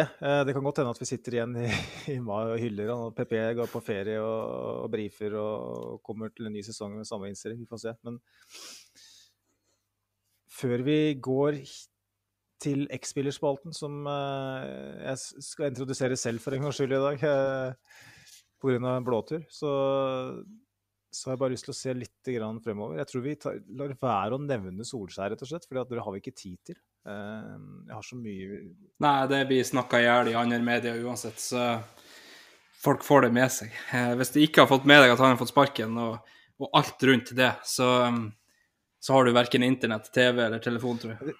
Og da hører du ikke på oss uansett. Men vi kan jo snakke litt om uh, hva det betyr for Arsenal uh, i, de, i den form av at vi skal til Old Trafford nå om et par runder. Vi har, uh, vi har Newcastle nå, som vi har snakka om, og så har vi vel Everton på den to torsdag neste uke, stemmer ikke det? Eh, Jo, det stemmer. så er det mandagskamp på Old Trafford. Borte. To bortekamper. Mm. Etter det så er det vel da, er det da vi går inn i Er det så Everton er faktisk mandagskampen. Det er Old Trafford som okay, torsdag. ok, der ser du. Det er godt vi har med en, eh, en podkast hvert som eh, kan sakene sine her. Ja, eller en som har VG Live. eh. Så, så har vi vel, er det Southampton og Westham hjemme etter det, mener jeg. Eh, Og, Ja. og Westham hjemme, det er kjempevanskelig. Og Southampton er også et lag som har en tendens til å gjøre det litt vanskelig for topplag. Med unntak av de kampene plutselig taper 9-0. Det, det har skjedd et par ganger. Eh, Jo, det har det. virker, de virker å være en ganske ålreit steam nå, selv om de tapte mot Norwich nå i helga. Så det er ingen av de kampene her som er enkle, da, eh, med unntak av den Newcastle-kampen. Eh, Men det er igjen den første kampen til Eddie Howe eh, på sidelinja. Eh, Hva forventer du, og hva er godkjent poengfangst på de, de kampene her? Er det fem kamper vi snakker da? Fem kamper, potensielt 15 poeng. Eh, sånne ting er jeg jævla dårlig på. Eh, men altså Hvis vi sier Newcastle burde være tre poeng, eh, det skal være tre poeng. Så eh, da har vi jo tre i, banken med en gang. Men Old Trafford er en vanskelig arena for oss. Med Solskjær der så hadde jeg vært mye mer sikker på på en seier, litt pga. det han har fått til i det siste, og fordi at Arteta faktisk hatt et ganske greit tak på Solskjær. Eh, Så vet vi jo ikke hvor mye det kommer til å skille seg ut med Michael Carrick. Eh, Han har vært assistenten til Solskjær. Eh, Potensielt har de fått inn denne pressemeldinga deres sa vel at de har Michael Carrick nå før de skal ansette en midlertidig, før de skal ansette en ordentlig trener til sommeren igjen. Så vi vet jo ikke når den eventuelt den midlertidige kommer inn. Kanskje blir det som med Solskjær at eh, Michael Carrick gjør det så greit at han får sitte til sommeren. Men ehm, uten Solskjær så er det jo umulig å vite hva vi får. Eh, vi får jo et lag som som er lei seg for at treneren går, i hvert fall sier de det. Og, eh, og vi får eh, vi får et litt mer uforutsigbart kampbilde enn med Solskjær. Så det er vanskelig. Jeg, jeg tror jeg satser bare på ett poeng der, og så er tre poeng. Hvis vi får det, så er det en bonus. Blir det null, så, så er det enda et topp seks-lag som slår oss, og det er jo kjipt. Everton Rafa Benitez eh, har jo ikke akkurat sett full schwung på det laget, syns jeg ikke. I hvert fall ikke defensivt. Eh, Sjøl om han er en litt sånn Han er jo mye mer direkte enn eh, Angelotti, som skal spille seg ut av alt. Men mens med Rafa så er det én vei framover. Og eh, det er liksom eh, Det er vanskelig å si. Calvert Lewin er vel ikke tilbake ennå? er? Nei, Jeg tror ikke det. Så det er jo en som garantert hadde skapt mye problemer. Veldig hodesterk, veldig lur i bevegelse. Og, og når han begynte å avslutte på første touch, så var han jo fantastisk. Eh, linka til Arsenal òg, for så vidt. Men eh, jeg syns det er helt umulig å se hva vi får fra Everton-kampen. De er så opp og ned at eh, plutselig er de fantastisk, som Rafa Benitez-lag kan være. Og så er de helt ute og, og ser ikke ut som de har forsvart et mål før. Så det, det tør jeg nesten ikke gjette. Altså. Eh, så var det Southampton og Westham. Westham. Westham tror jeg vi taper. Så enkelt er det. Eh, de, er så, de er så forbanna gode. Og eh, det, det, det, er, det er så kjipt, men de er så forbanna gode når du ser Husk at. David Moyes sikkert er United da, innen den tid, er det ikke det? Så Jo, han skal vel være midlertidig manager før han skal ta over til Han, han får vel fortsatt lønn, så han må vel kanskje inn der og gjøre en jobb. Ja, det er faktisk sant, det. Kan, kan de bare hente han tilbake når de betaler lønn? Bare kreve at han kommer inn? De gjør to jobber samtidig. Ja, han har vel, eh, han har vel sagt, var det ikke han sa, at uh, 'winning is what I do', er det ikke det? Og så lo, lo av ham, og så gikk det et halvt år, og så plutselig så har han tatt Westham opp til sjetteplass. Så det, Ja, vi skal, ikke ikke, være forsiktige. Men, men uh, nå må du legge hodet på blokka her, Andreas. Uh, hvor mange poeng får vi? Av 15 eh, 11 eller 12. 11 eller 12, det er jo bra. Ja, det er det. Og det er derfor jeg legger hodet skikkelig på blokka. Skal jeg først legge meg til hogg, så gjør jeg det ordentlig. Det, det er derfor du er her, ikke sant? For at du skal ta rolla til Simen. Du skal være litt mer positiv Ja. Skal jeg bare si 15 med en gang, Du burde ha gjort det. Uh, Ja, ikke sant. Men uh, det, er- det, det er greit å være edruelig, tenker jeg. eh, hvis du Ja. kjører på meg. Jeg får kjøre min Mm. spådom, ja, da. Newcastle tar vi, tror jeg. Tre poeng. United borte, uavgjort. Eh, tipper vi får med oss et poeng der. Everton tror jeg faktisk vi tar, for jeg syns Everton eh, rett og slett har vært skikkelig ræva i det siste. Selv, selv med Allan tilbake og sånn, så syns jeg fortsatt vi ser sykdomstegn der. Mason Holgate og Kobake der, i forsvarslinjene der, de, gir jo bort målsjanser på, på rekke og rad. Vært veldig dårlig hjemme over veldig lang tid, Everton. Southampton tar vi. Skal vi se, da er vi oppe i 3, 4, 7, 10. Men så tror jeg at vi klarer kun uavgjort hjemme mot eh, West Ham. Og da Mm. valgte jeg ikke ta med Leeds-kampen eh, tre dager senere, da. Men da får vi bare gjøre det sånn. at jeg skal, på, jeg skal til England eh, og se både Southampton og West Ham, så jeg har lyst til å sette en strek der. Ja, ikke sant? det er en ny tidsregning etter det, eh, hvis det hele tatt eksisterer. Mm. For det blir jo det er ikke blåtur, men det blir tur, og det blir både tre og fire dagers ratt. Så det kan godt hende at det er noen, eh, noen som skal lyses et fred over minnet til eh, da. Jeg har ikke vært på skikkelig guttetur på lenge, så jeg er litt redd for hva, slags konsekvenser det får. Men jeg håper at vi, at vi får noen gode opplevelser. Da. Men 11 poeng da, av 15 eh, det er bra.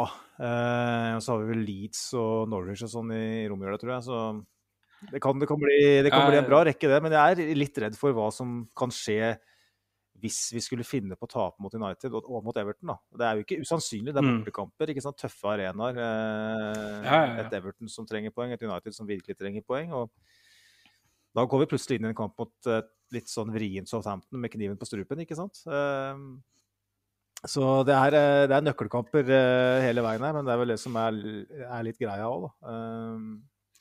Ja, da, absolutt. Så har vi et vi har en desember som, som alltid er fullpakka. Det er kamp hver tredje dag. Og vi har unge spillere og lite backup. Det kan òg spille veldig mye inn, tror jeg. Eh, får vi en skade på Ben White eller Gabriel f.eks., så er det er- Det er akkurat det jeg skulle si, Andreas. De to spillerne tåler vi ikke skade på. Uh, Nei, det er den ikke. sterkeste lagdelen vår. og Mm. Da er jeg redd korthuset kollapser, for vi skårer altfor lite. Som Oddbjørn blant annet Ja. var inne på i, kommen i, kommentarer på Twitter. Mm. Hvis det defensive fundamentet faller ifra, da har vi lite å, å slå tilbake med. Så det, det er litt som du sa, at, eh, at det er litt sånn godværslag eh, per nå. Vi trenger at ting går litt for oss. Så. Og avhengig av at vi har litt flyt sånn sett eh, gjennom denne sesongen her. eh, men eh, vi, må- bare ta utgangspunkt i at, at de spillerne faktisk er her, da. Gab, både, Gab, både Ben White har vel nesten ikke vært skada i karrieren sin. Gabriel Nei. virker som en veldig robust, robust spiller. Tommy Yasu virker Mm. robust. Mm. så har vi bra backup på, på venstrebekken når Tine er ute, selv om det Ja. var noen førjulsgaver på Anfield. Så, så syns jeg, syns jeg det ser bra ut der. Um, så jeg håper at vi kan opprettholde det. Absolutt. Framover så har vi Altså, i den grad vi skårer noen mål, så, så tror ikke jeg at eh, På samme vis som at en skade på Saka i fjor hadde vært katastrofalt, så tror ikke jeg det er like katastrofalt i år. Eh, jeg, tror vi skal klare oss med, med det vi har. Men, eh, men det er altså Man vet aldri. Får man en skade på Smith-Roe, så, er det- så er det en Martinelli som ikke har spilt fotball, som må inn. Det kan bli katastrofalt. Det vet vi ikke.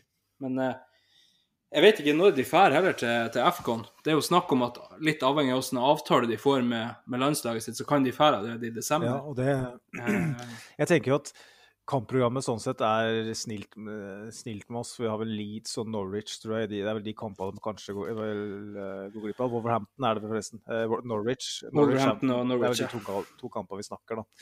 Det er kamper jeg Ja. kanskje kan klare oss uten. Uh, så er det City 1. januar, og da, da er det borte allerede. Og da er vi, den, den, den vinner vi ikke uansett. sannsynligvis. Uh, så ærlig må vi være. Uh. Eh, og da går det eh, Da er det noen ligacup-semifinaler eventuelt, hvis vi kommer dit. En tredje runde i FA-cupen, og så er det en pause da fram til Tottenham. Tottenham borte. Eh, så er det Burnley hjemme da januar, 22. januar. I nok en kamp vi skal klare oss uten. Og da er det ikke Ja. Premier League igjen før den 8. februar. Eh, borte mot Premier Da skal de være tilbake igjen. Iallfall de fleste. Og da sånn sett så virker, er det kanskje ikke så ille som det folk skal ha det til. da. Eh, Vi har vært heldige med, med, med kampene, sånn sett, syns jeg. Det, det er én kamp inni der som, som vi Hvis vi skulle ha vunnet mot City, så ville vi vært avhengig av Party og, eh, og Aubameyang, tror jeg. Men eh, jeg tror vi klarer oss uten de imot resten der. Vi har, eh, vi har Lacassette fortsatt. Vi har, vi har andre spillere som kan komme inn. Elneni blir ikke savna på midten der. Thomas Party. Vi har Granit Xhaka som kan komme inn i lag med Lokonga. Hvis ikke så har vi Mete Niles som kan, eh, kan holde på. Men nå, nå var vel de siste oppdateringene at Xhaka ser ut som han er i god rute til januar. Så, um, og han bruker jo å komme tilbake med et smell. Så, så vi satser jo på at han gjør det når det gjelder skade òg, selv om han ikke har vært plaga med skade akkurat i, i tida si. Det har vært mer suspensjoner.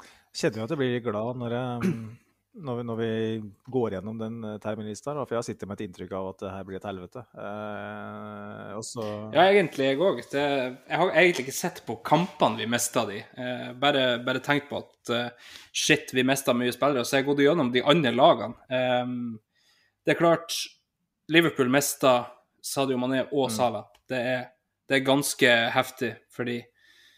Eh, mens eh, jeg tror City mista bare Riyad Mahrez, og det er ikke noe problem. De har en hel elver på, på standby, så det er ikke noe problem. Jeg tror eh, mener å huske at Leicester og Tottenham mista vel én spiller hver, eller noe sånt. Eh, Så, så jeg tenkte jo det at det her kan bli avgjørende for sesongen. Men eh, kanskje ikke allikevel.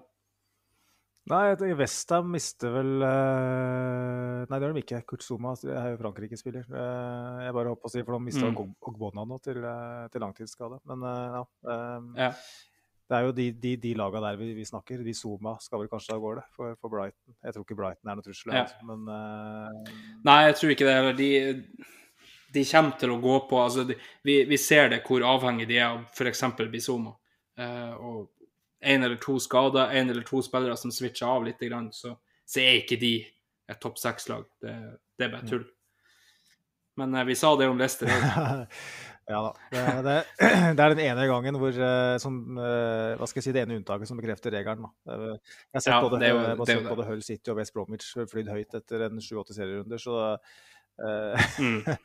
ja, er, Ja da, det er nettopp det. Vi, vi er ikke kommet veldig langt i sesongen. de, som all, de som alltid setter en hundrelapp på at, eh, at en Askerad skal vinne ligaen etter ti runder eh, Det er klart, kanskje så, så har de tjent på det med Leicester, for at det var en helt vill odds, men eh, Jo. Eh, som regel så taper du pengene dine hver eneste gang. Jeg gjør nok det. Så, nei, da, vi, vi, ser, vi ser det at uh, Det er synd at han Solskjær ikke fikk sett. Uh, da hadde den fjerdeplassen virkelig vært up for grabs. Eh, Conte kan ta Tottenham dit, absolutt, men eh, jeg, jeg, får meg bare ikke Det er nok et Arsenal-hjerte som banker litt for sterkt, men jeg får meg ikke til å se at, eh, at det skal at det skal endevende alt i Tottenham, at han kommer inn. Ja, Mourinho var han var på en skikkelig nedadgående kurve når han var der. Eh, Og Nuno fikk det aldri helt til. Eh, Men eh, det går jo sjelden bra å ansette femtevalget ditt. da. Så, men vi skal ikke glemme at før Mourinho kom til, til Tottenham, så har han vunnet ting i hver klubb, inkludert United. Men han klarte ikke å vinne med Tottenham. Og, og det, det ligger i mentaliteten til spillere. Når, når det begynner å skru seg til, så, så detter de bort. Eh, på samme måte som Arsenal gjorde i fjor, når, når det så ut som de topp seks-plassene plutselig var åpne. Eh, det handler om hva du har vært med på som spiller. Og ingen i den troppen der, bortsett fra Serge Aurier, som eh, Hvis han, er der. han det er, vet jeg ikke. blitt fri, frislept, så Ja. Så det er bare Hugo Lloris som har vunnet nå, i den troppen der, med Frankrike. Ellers er det ingen der som har vunnet nå. Nei, det kan godt stemme, det. Jeg har ikke gått gjennom spiller for spiller, men uh, det er klart at uh, det sitter jo litt i veggene der, selvfølgelig. Samtidig så skal vi litt, være litt grann forsiktige med å, å, si at de ikke kan vinne noe under, under kont uh, heller. Ja, det er absolutt. De har en conference league der de absolutt kan vinne. Det, men om, om man skal telle sånne her- Her nord kaller vi det Mikke Mus-cuper. Det, det er liksom Det er ikke det de skal være. Og, Tottenham er en toppklubb, absolutt, men, men jeg, jeg har vansker for å tro at uh, selv om de må ha lova Konta at han skal få bruke penger i januar, men, men han trenger et nytt lag. Han trenger vingbacker, ikke én, men to. Uh, han trenger en midtbane som kan gjøre samme jobben som, uh, som Fabregas og Kanté gjorde for han i, i Chelsea. Det har han ikke der.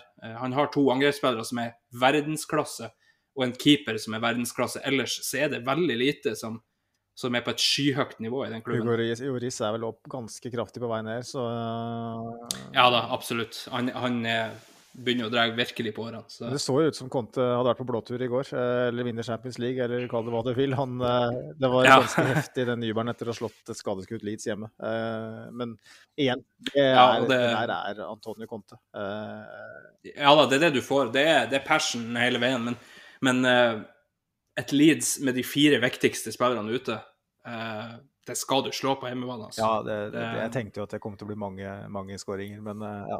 Ja, ja, ja, absolutt. Det, det er liksom et Leeds uten både Bamford og Rafinha framover. Eh, ingen Luke Eiling heller, vel. Så det, det er et lag du skal slå. Eh, I hvert fall sånn som de har forsvart seg i år, så skal du slå de. Men nå er det her en marsipankakepodkast, så la oss ikke snakke for mye om lungemos. Eh, jeg tenker Nei, det er helt sant. Helt sant. Vi har eh, Før vi går på X-spilleren, Andreas, så, så skal jeg minne lytterne på noe veldig viktig. Og det er at eh, vi som nevnt da er inne i et samarbeid med den offisielle norske supporterklubben Arsenal Norway. Og for de som ikke allerede er medlem, så vil vi eh, på det sterkeste anbefale å gå inn og, og melde dere inn. Det er 250 kroner. 250 raske. Uh, Fjottpenger, skal vi si.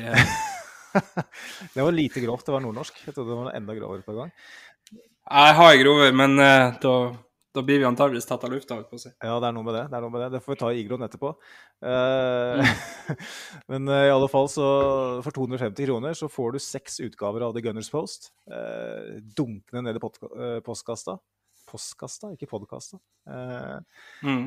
som er kjempegodt stoff skrevet av ekte Arsenal-fan for, for ekte Arsenal-fans. Det er både aktuelt, og det er historie, og det er reportasjer fra fra supportertreff, og det er av og til intervju med markante skikkelser i, i, i tillegg. Eh, du har eh, muligheten til å søke på billetter til samtlige hjemmekamper, og du får stort sett billett på, på, på alle de du søker på. Eh, og da kommer du på en seksjon sammen med andre norske Arsenal-fans. Du kan delta på fellesturer, du får rabatt på supportereffekter, og du, ja, du får være med på arrangementer i regi av Arsenal Norway, som er veldig, veldig hyggelig. Eh, jeg har vært med på mange ganger sjøl. Så jeg tipper du kan stemme i, Andreas, og si at 250 kroner er vel anvendt, hvis du melder deg inn der.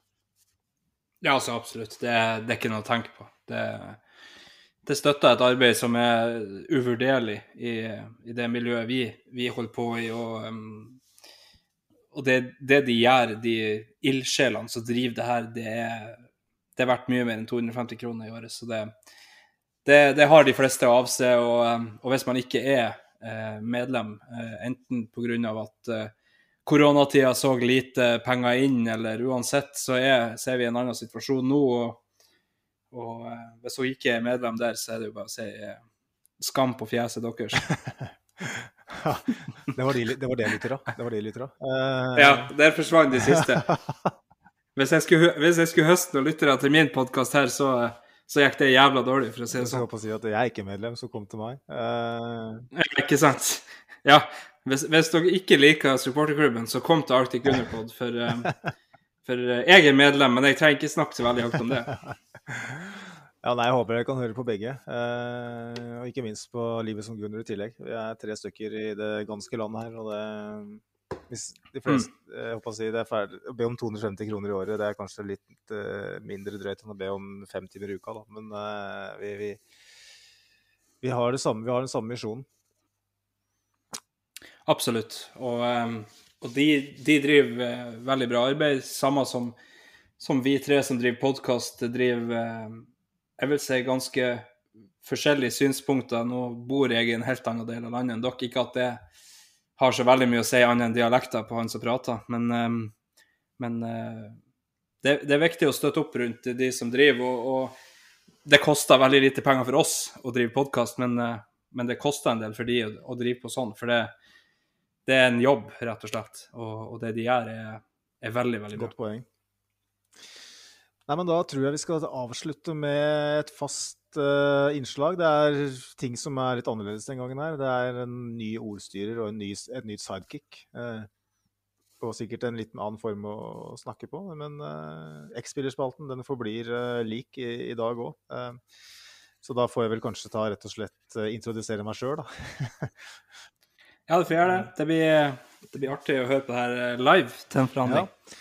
Da får vi se hva, hva som kommer denne gangen her.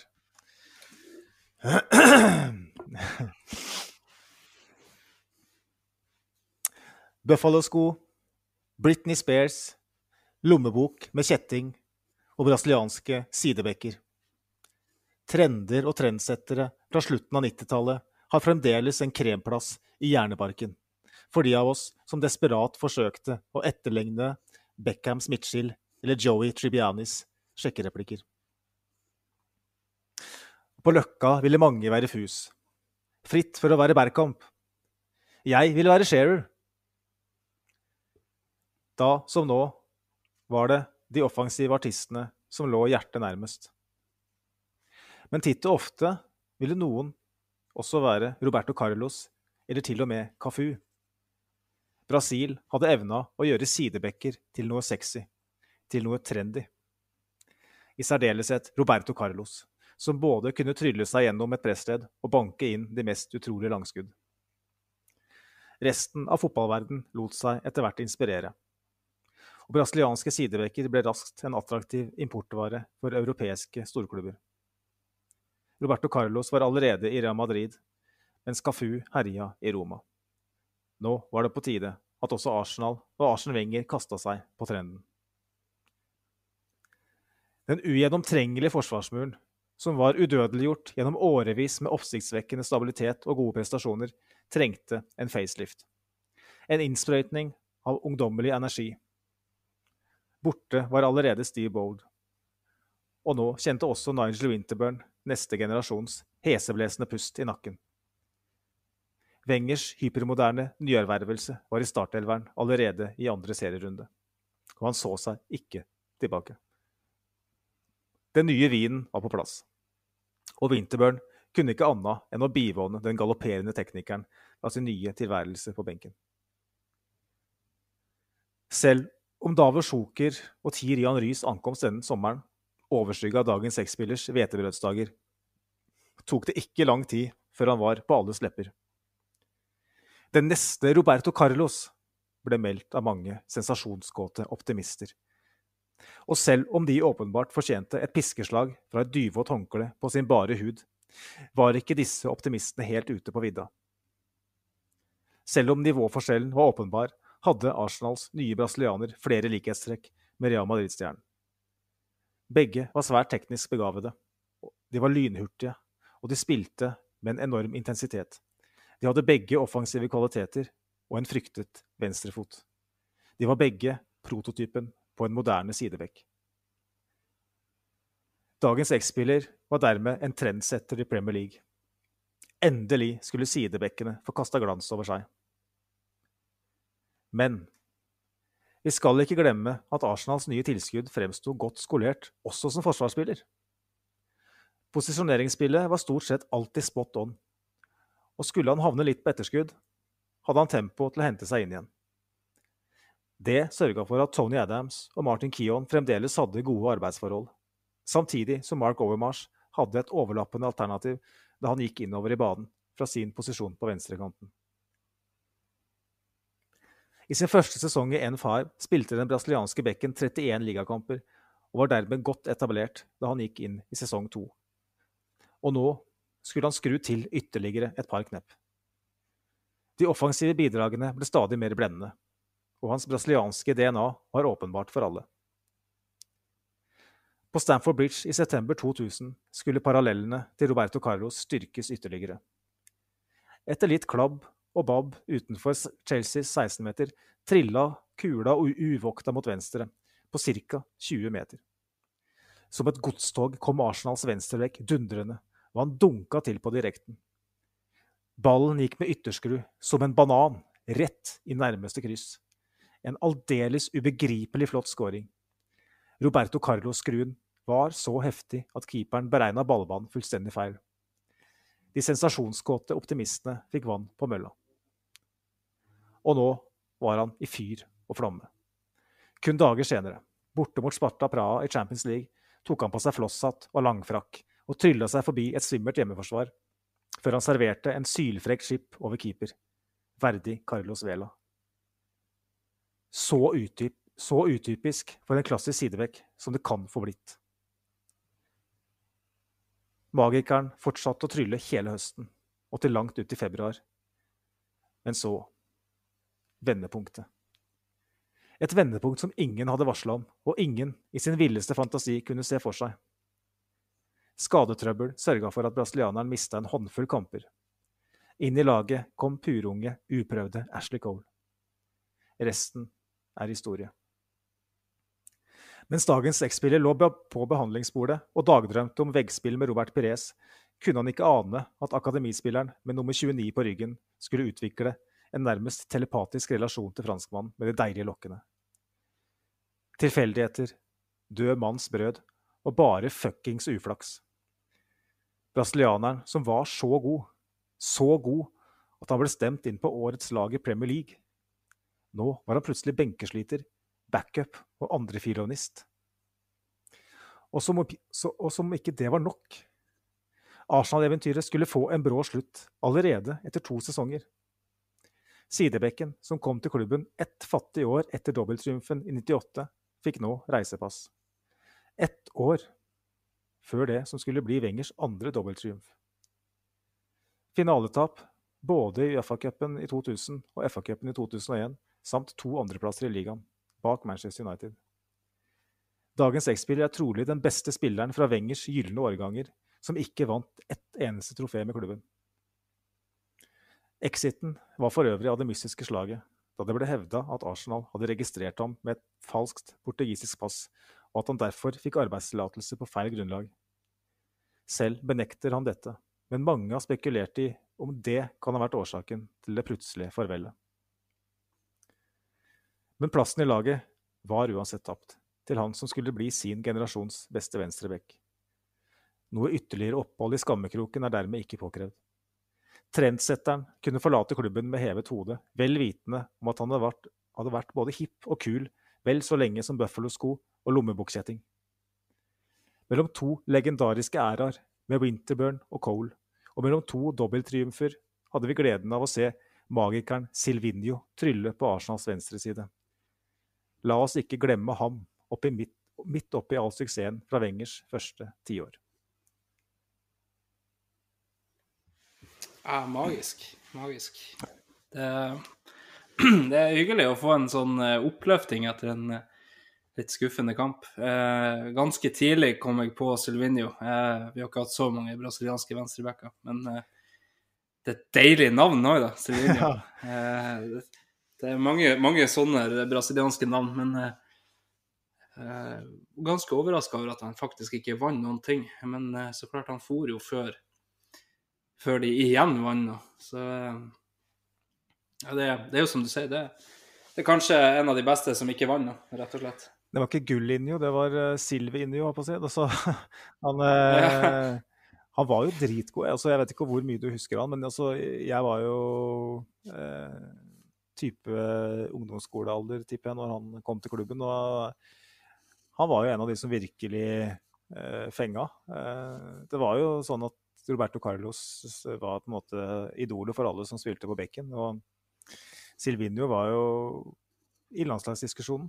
Han var rett, rett bak. Altså, han var jo aldri så god som Carlos, men altså, det var jo en kjempegod spiller. Så det var ingen som snakka om Ashley Cole. Han var på utlån til Crystal Palace, og det var ingen som det er klart På den tida så var jo informasjonsdekningen helt annerledes enn i dag. Så kanskje i dag med Twitter og alt sånt, så hadde kanskje folk snakka om Ashley Cole på en annen måte. Men på den tida så var det ingen som snakka om Ashley Cole som en som en spiller som kunne utfordre og ta plassen til Civilio da.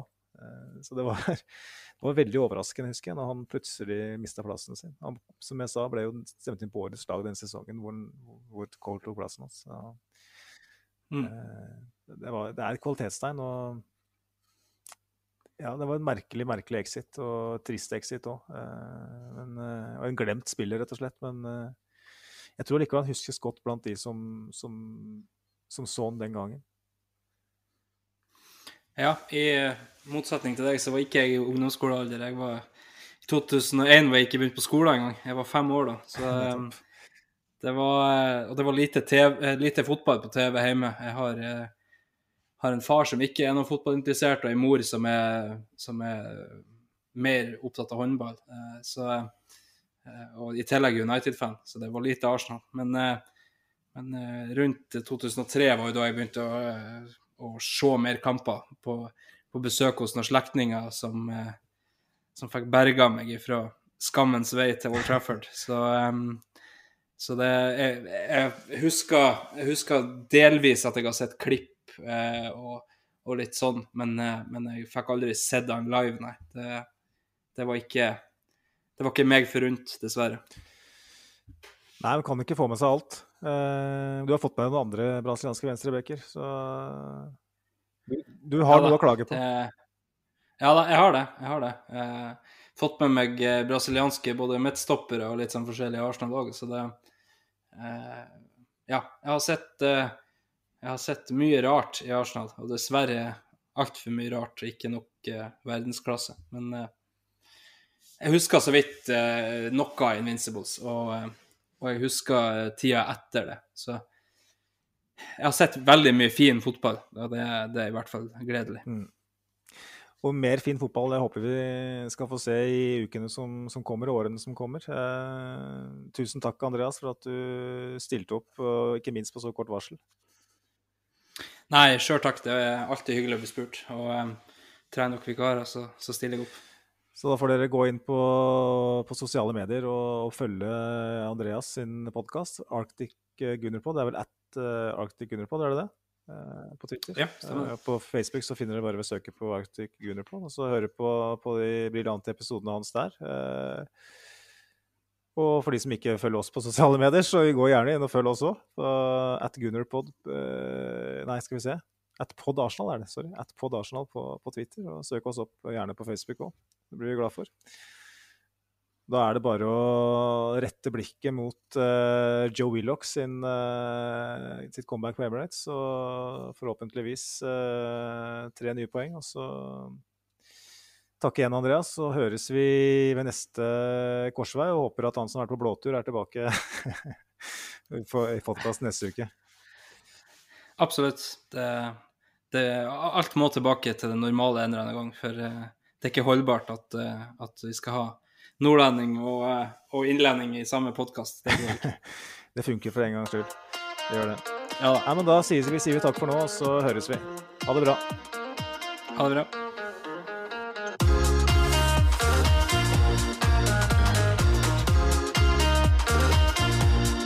This train terminates here.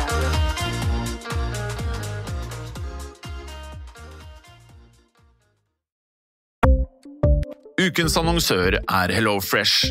HelloFresh er verdens ledende matkasseleverandør og kan være redningen i en travel hverdag. Mange av oss har nok vandret i butikken både sultne og uten en plan for middagen, som ender med at vi går for de samme kjedelige rettene gang på gang. Middag burde være dagens høydepunkt. Som HelloFresh kan du nå velge mellom 25 ulike retter hver eneste uke, eller få HelloFresh til å sette sammen menyen for deg. Dette gir deg muligheten til å prøve nye og spennende retter alene eller sammen med familien. Du velger antall porsjoner og får alt levert på døren på et tidspunkt som passer for deg. Oppskriftene er enkle, og maten er lett å lage både for store og for små. Ved å få alt levert hjem får du også mer tid til å dele matgleden med familie og venner. Kanskje det frister med asiatiske tacos eller greskinspirert kylling? Da kan jeg anbefale deg om å gå inn på hellofresh.no. Her kan du bruke koden FOTBALL og få opptil 1779 kroner i rabatt på de første fem matkastene hvis du ikke har prøvd HelloFresh tidligere. Du kan også bruke rabatten hvis du har vært kunde og stoppet abonnementet ditt for tolv måneder siden eller lengre. Gå inn på hellofresh.no og bruk koden FOTBALL. Har du et enkeltpersonforetak eller en liten bedrift? Da er du sikkert lei av å høre meg snakke om hvor enkelt det er med kvitteringer og bilag i fiken, så vi eh, gir oss her, vi. Fordi vi liker enkelt. Fiken superenkelt regnskap.